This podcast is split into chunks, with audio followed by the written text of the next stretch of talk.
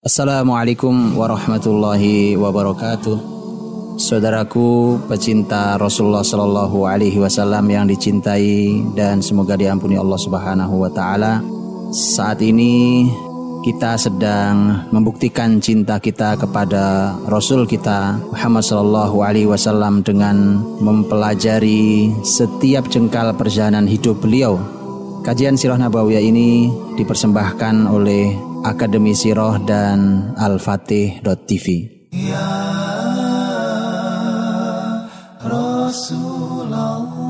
Alhamdulillah. Wassalatu wassalamu ala Rasulillah wa ba'd. Nabiullah Musa alaihissalam di dalam surat Al-Qasas di ayat yang ke-23 disebutkan bahwa beliau lari dari Mesir sampailah beliau di wilayah Madian. Wilayah Madian adalah wilayahnya Nabiullah Shu'aib alaihissalam. Dia lari dari kejaran Firaun itu dan ternyata di negeri Madian itu dia melihat ada segerombolan penggembala kambing.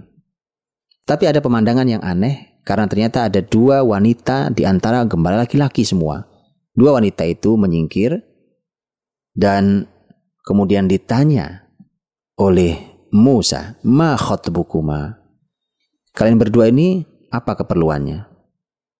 Ternyata dua wanita itu juga penggembala. Mereka berdua berkata, La nasqi hatta yusdirar ri'a wa abuna syaikhun kabir. Kami tidak bisa mendapatkan air ini untuk gembala-gembala kami ini sampai penggembala-penggembala laki-laki itu pergi. Dan ayah kami adalah orang yang sudah tua. Artinya terpaksa mereka berdua melakukan pekerjaan laki-laki ini karena memang ayah mereka sudah tua. Para ulama tafsir berbeda pendapat siapa dua wanita ini. Di antara ulama tafsir yang mengatakan bahwa dua wanita ini adalah dua putrinya Nabi Shu'aib alaihissalam wallahu alam. Maka setelah melihat dua wanita itu maka Musa menolongnya.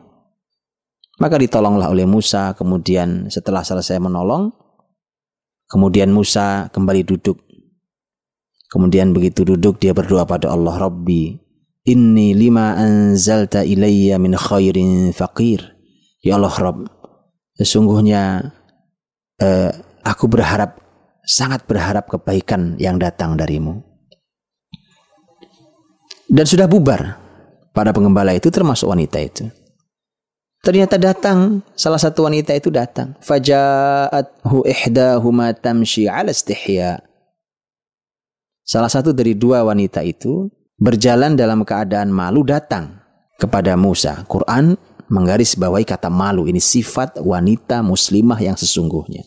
Punya rasa malu di hadapan laki-laki. Kemudian ternyata wanita itu diminta untuk menyampaikan sesuatu dari ayahnya. Qalat maka wanita ini berkata, "Inna abi yad'uka liyajziyaka ajra ma saqaita lana." Sungguhnya ayah saya memanggil Anda supaya ayah saya bisa memberikan balasan atas kebaikanmu memberikan minuman bagi gembala kami. Maka begitu sampai dalam perjalanannya sampai di rumah wanita ini bertemu dengan ayahnya, dan kemudian wanita ini memberikan kesaksian betapa hebatnya anak muda yang tidak dikenalnya ini. Qalat ihdahuma, salah satu dari dua wanita itu berkata, "Ya abatis tajir, wahai ayah, jadikan saja dia sebagai orang yang disewa, sewa saja dia. Karena tenaganya kuat, nanti bisa membantu kita. Inna khaira man istajartal qawiyul amin." Karena orang ini al-qawi al-amin dia kuat lagi amanah. Wanita ini bisa melihat mengamati di perkenalannya yang sekilas itu bahwa kuat dan amanah. Ternyata ayahnya punya rencana lain. Karena ayahnya pun orang yang mengerti maka ayahnya berkata, Qala inni uridu an unkihaka ihda hatain. Saya sebenarnya ingin menikahkan kamu, wahai anak muda, wahai Musa, dengan salah satu dari dua putriku ini. Dan terjadilah pernikahan. Musa alaihissalam yang ternyata beliau adalah nabi itu dan sedang berjuang untuk meruntuhkan kezaliman Fir'aun yang zalim yang angkuh itu. Dan inilah laki-laki yang berkah itu, seorang nabi, ulul azmi minar rusul.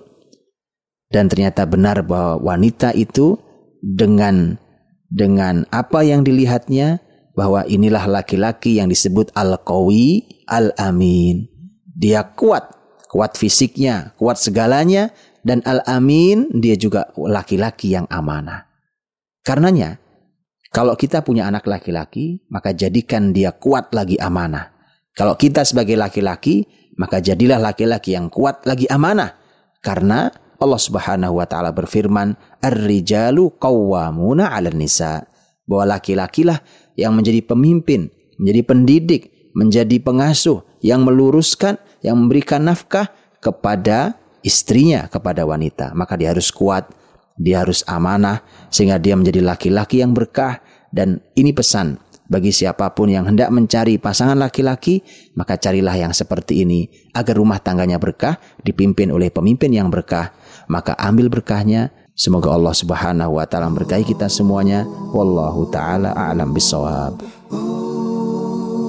Untuk informasi yang lebih mendalam seputar Sirah Nabawiyah, silahkan kunjungi www.akademisirah.com. Ya